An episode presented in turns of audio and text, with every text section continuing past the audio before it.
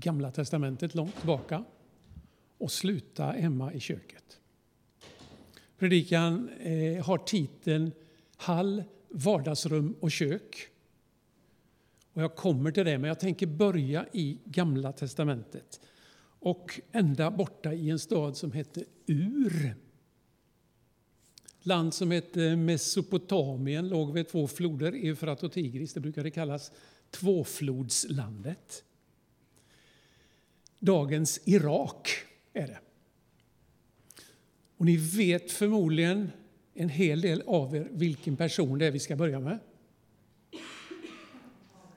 Abraham säger många här. Precis. Abraham tänkte jag börja med. För han blev nämligen kallad av Gud att bryta upp från sitt hem, från sin trygghet och ge sig iväg mot ett okänt mål. Han fick bara beskedet att bege dig till det land som jag ska visa dig. Det är inte speciellt konkreta instruktioner utan det är en uppmaning, att, en inbjudan att ge sig iväg. Att, och han måste ju faktiskt svara på den. Och hur känns det? Bege sig iväg från hem och hus. Vi som samlar här tänker inte på det, men det finns ju många i vår närhet idag som är tvingade bort, som man inte kan låta bli att tänka på i det här sammanhanget. Men Abraham han fick, han fick en inbjudan. Bege dig iväg till ett ställe som jag ska kalla dig. Och sen vet vi fortsättningen. Abraham får ett löfte av Gud när han kommer, när han har rest en bit, när han hamnar i det som vi brukar kalla det heliga landet. Så säger Gud att han ska få det, men det blir en hel del mer äventyr för honom. Färder hit och dit och diverse saker. Men han får till slut en utlovad son, Isak. Och Isak, det vet ni, han får två söner i sin tur. Esau och Jakob.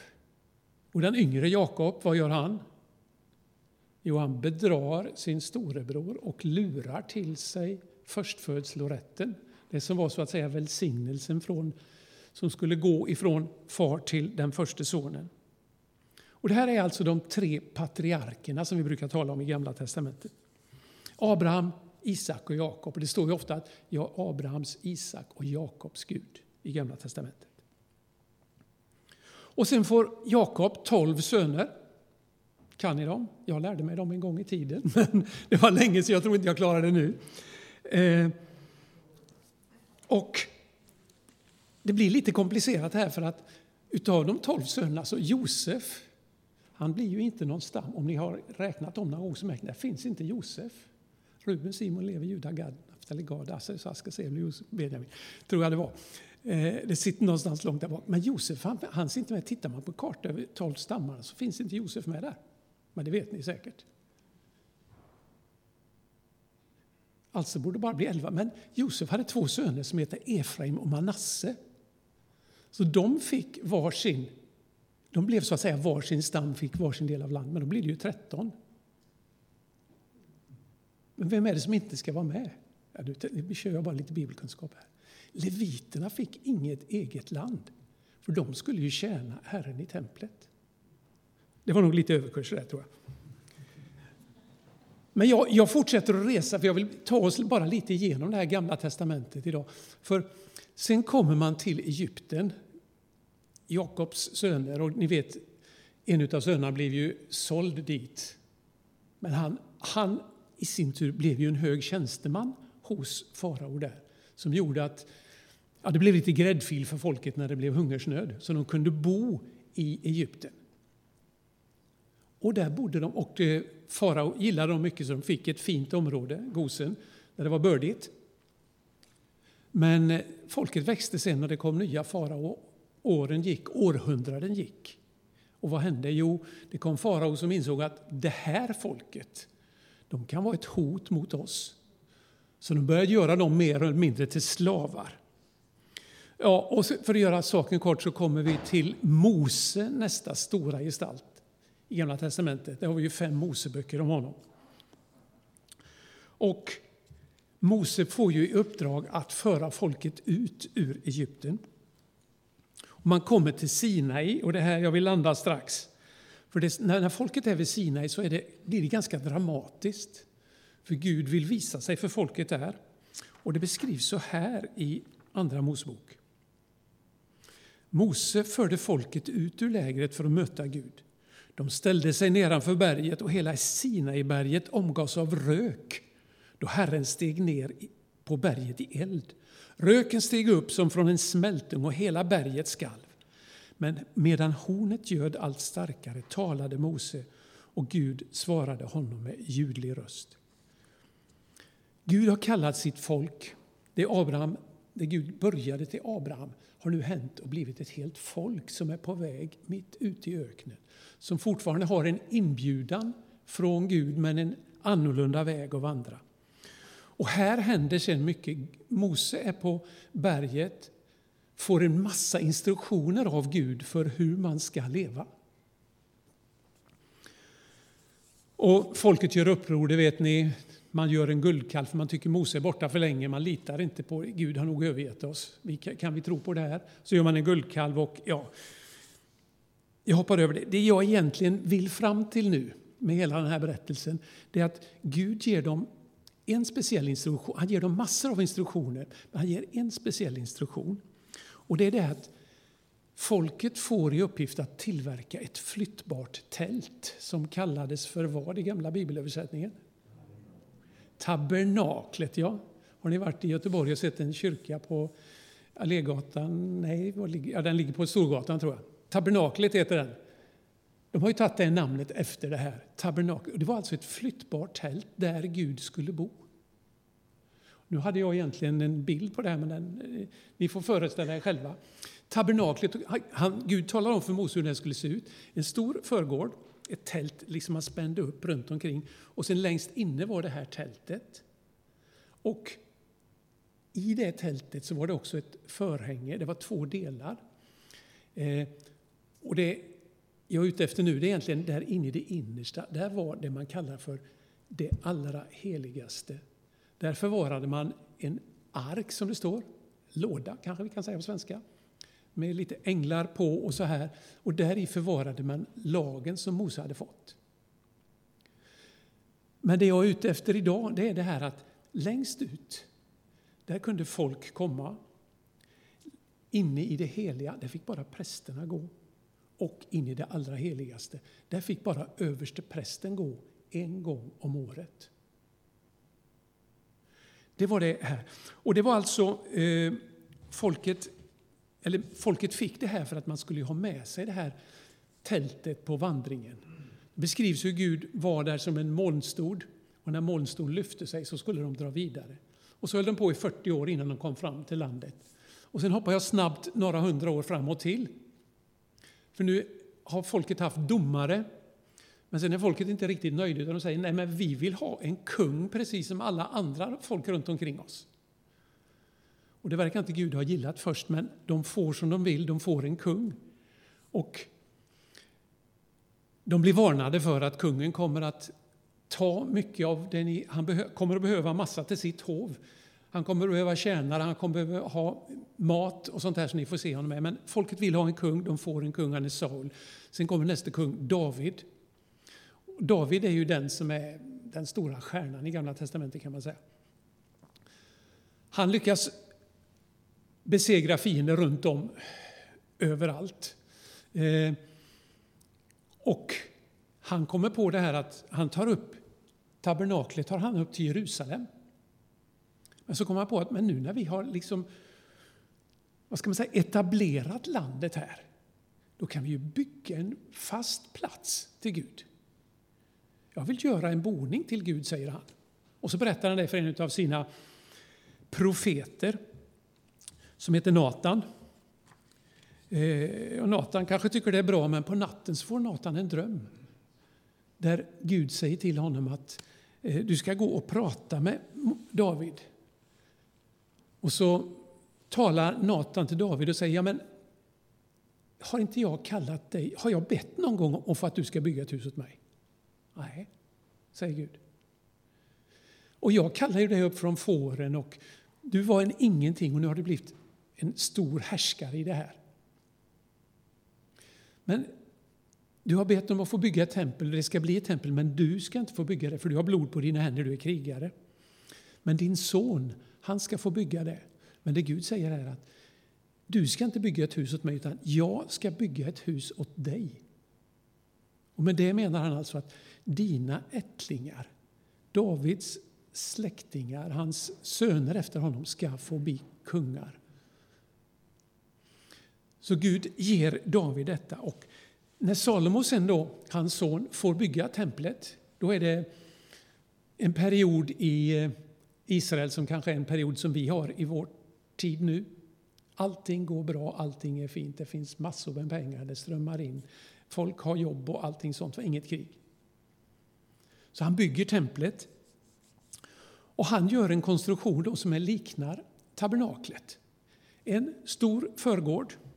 Hit kan folket komma och gå in i förgården. Sen så blir det avskilt så att man går in lite längre in och då kommer man in till det heliga där prästerna är. Och de utför sina tjänster ute, här ute ytterst, där offrar man ju, för på den tiden offrade man ju mycket djur. Det var djuroffer, det var blodigt, det var slaktigt, slakt här och där. Så det var nog ganska stökigt kan man tänka sig. Men det var, en, det var ju den kulturen som den var på den tiden.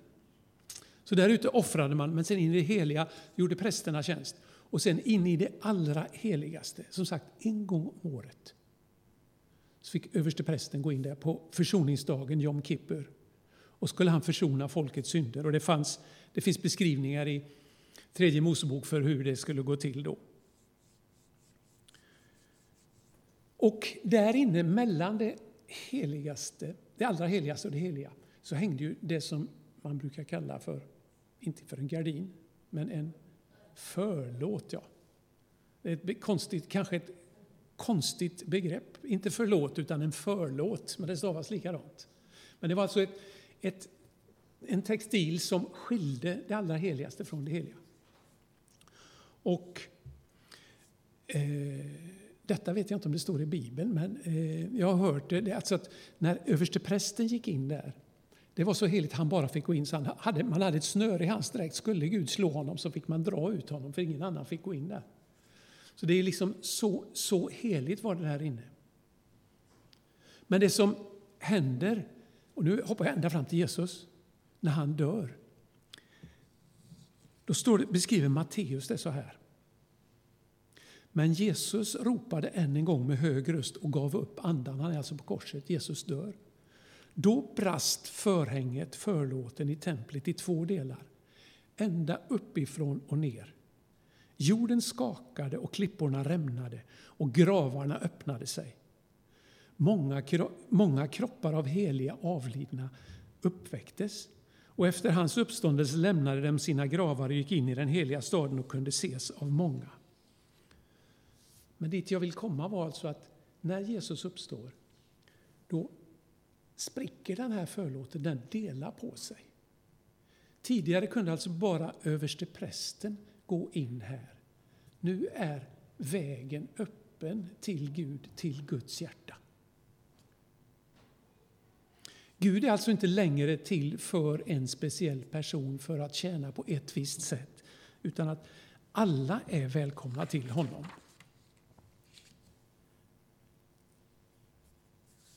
Och att jag har berättat den här delen av Gamla Testamentet, det är väl kanske lite för att jag vill berätta lite om Gamla Testamentet. Jag tror vi behöver höra det ibland. Men det som är fokus här, det är just den här hur templet delades in. Förgård, det heliga och det allra heligaste. Här ute var alla välkomna. Sen var det ett steg där prästerna bara fick vara och sen där överste prästen fick vara.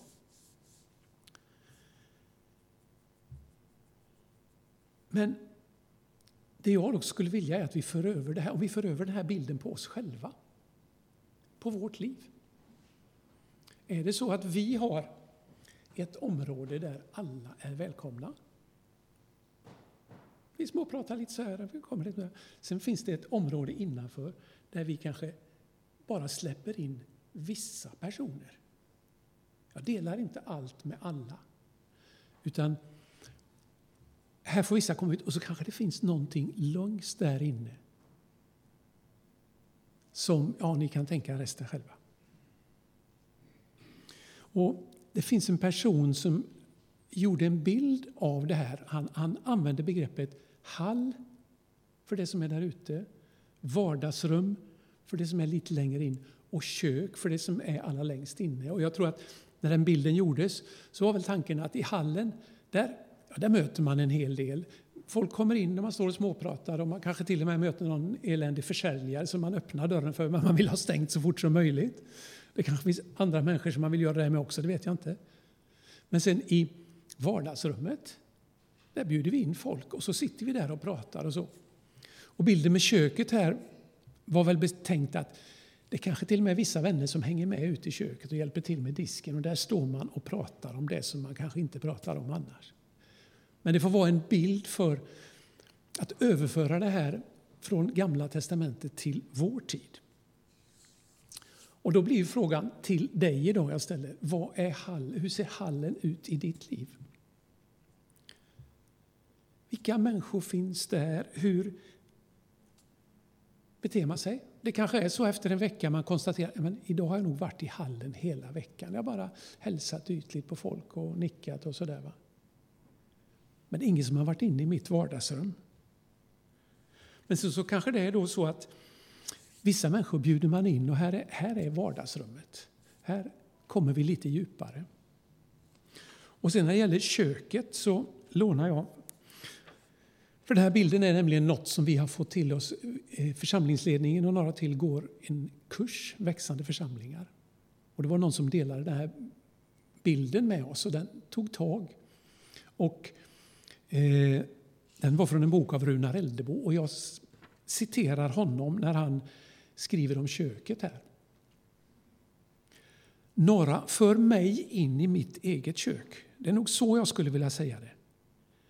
Det finns egentligen människor som arbetar som dörröppnare till mitt eget liv.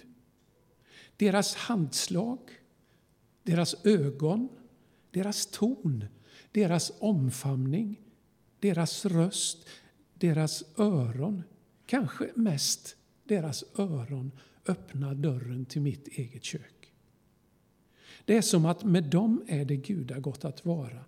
De ger mig tillträde till mig själv. Längst in i mitt kök får jag vara tillsammans med dem. Och då tänkte jag ta den här bilden ett steg till. Och det är, hur ser de här rummen ut i vårt förhållande till Gud? När är jag i hallen med Gud? Vad är hallen med Gud? När jag kanske gör vissa saker pliktskyldigast. När bjuder jag in Gud till vardagsrummet? Bjuder in honom till det som är riktigt viktigt för mig, till det som är avgörande för hur jag väljer mitt liv. Ger jag honom chansen att påverka mig? Ta Elisabets bild här. Va? Låter jag Gud fukta igenom så han får fylla mig så jag kan kanske krama ut lite. Och kanske fastan har vi hört om här. Fastan kanske är en inbjudan till att ge Gud lite mer plats i vardagsrummet. Det som är viktigt för mig. Och vad är köket då? Ja, jag tror jag lämnar det till er själva. Ni kan fundera på vad, vad är det allra innersta som Gud kan komma åt. Men någonstans måste det vara där jag släpper alla skyddsnät, skyddsmasker och låter Gud få möta mig som jag är.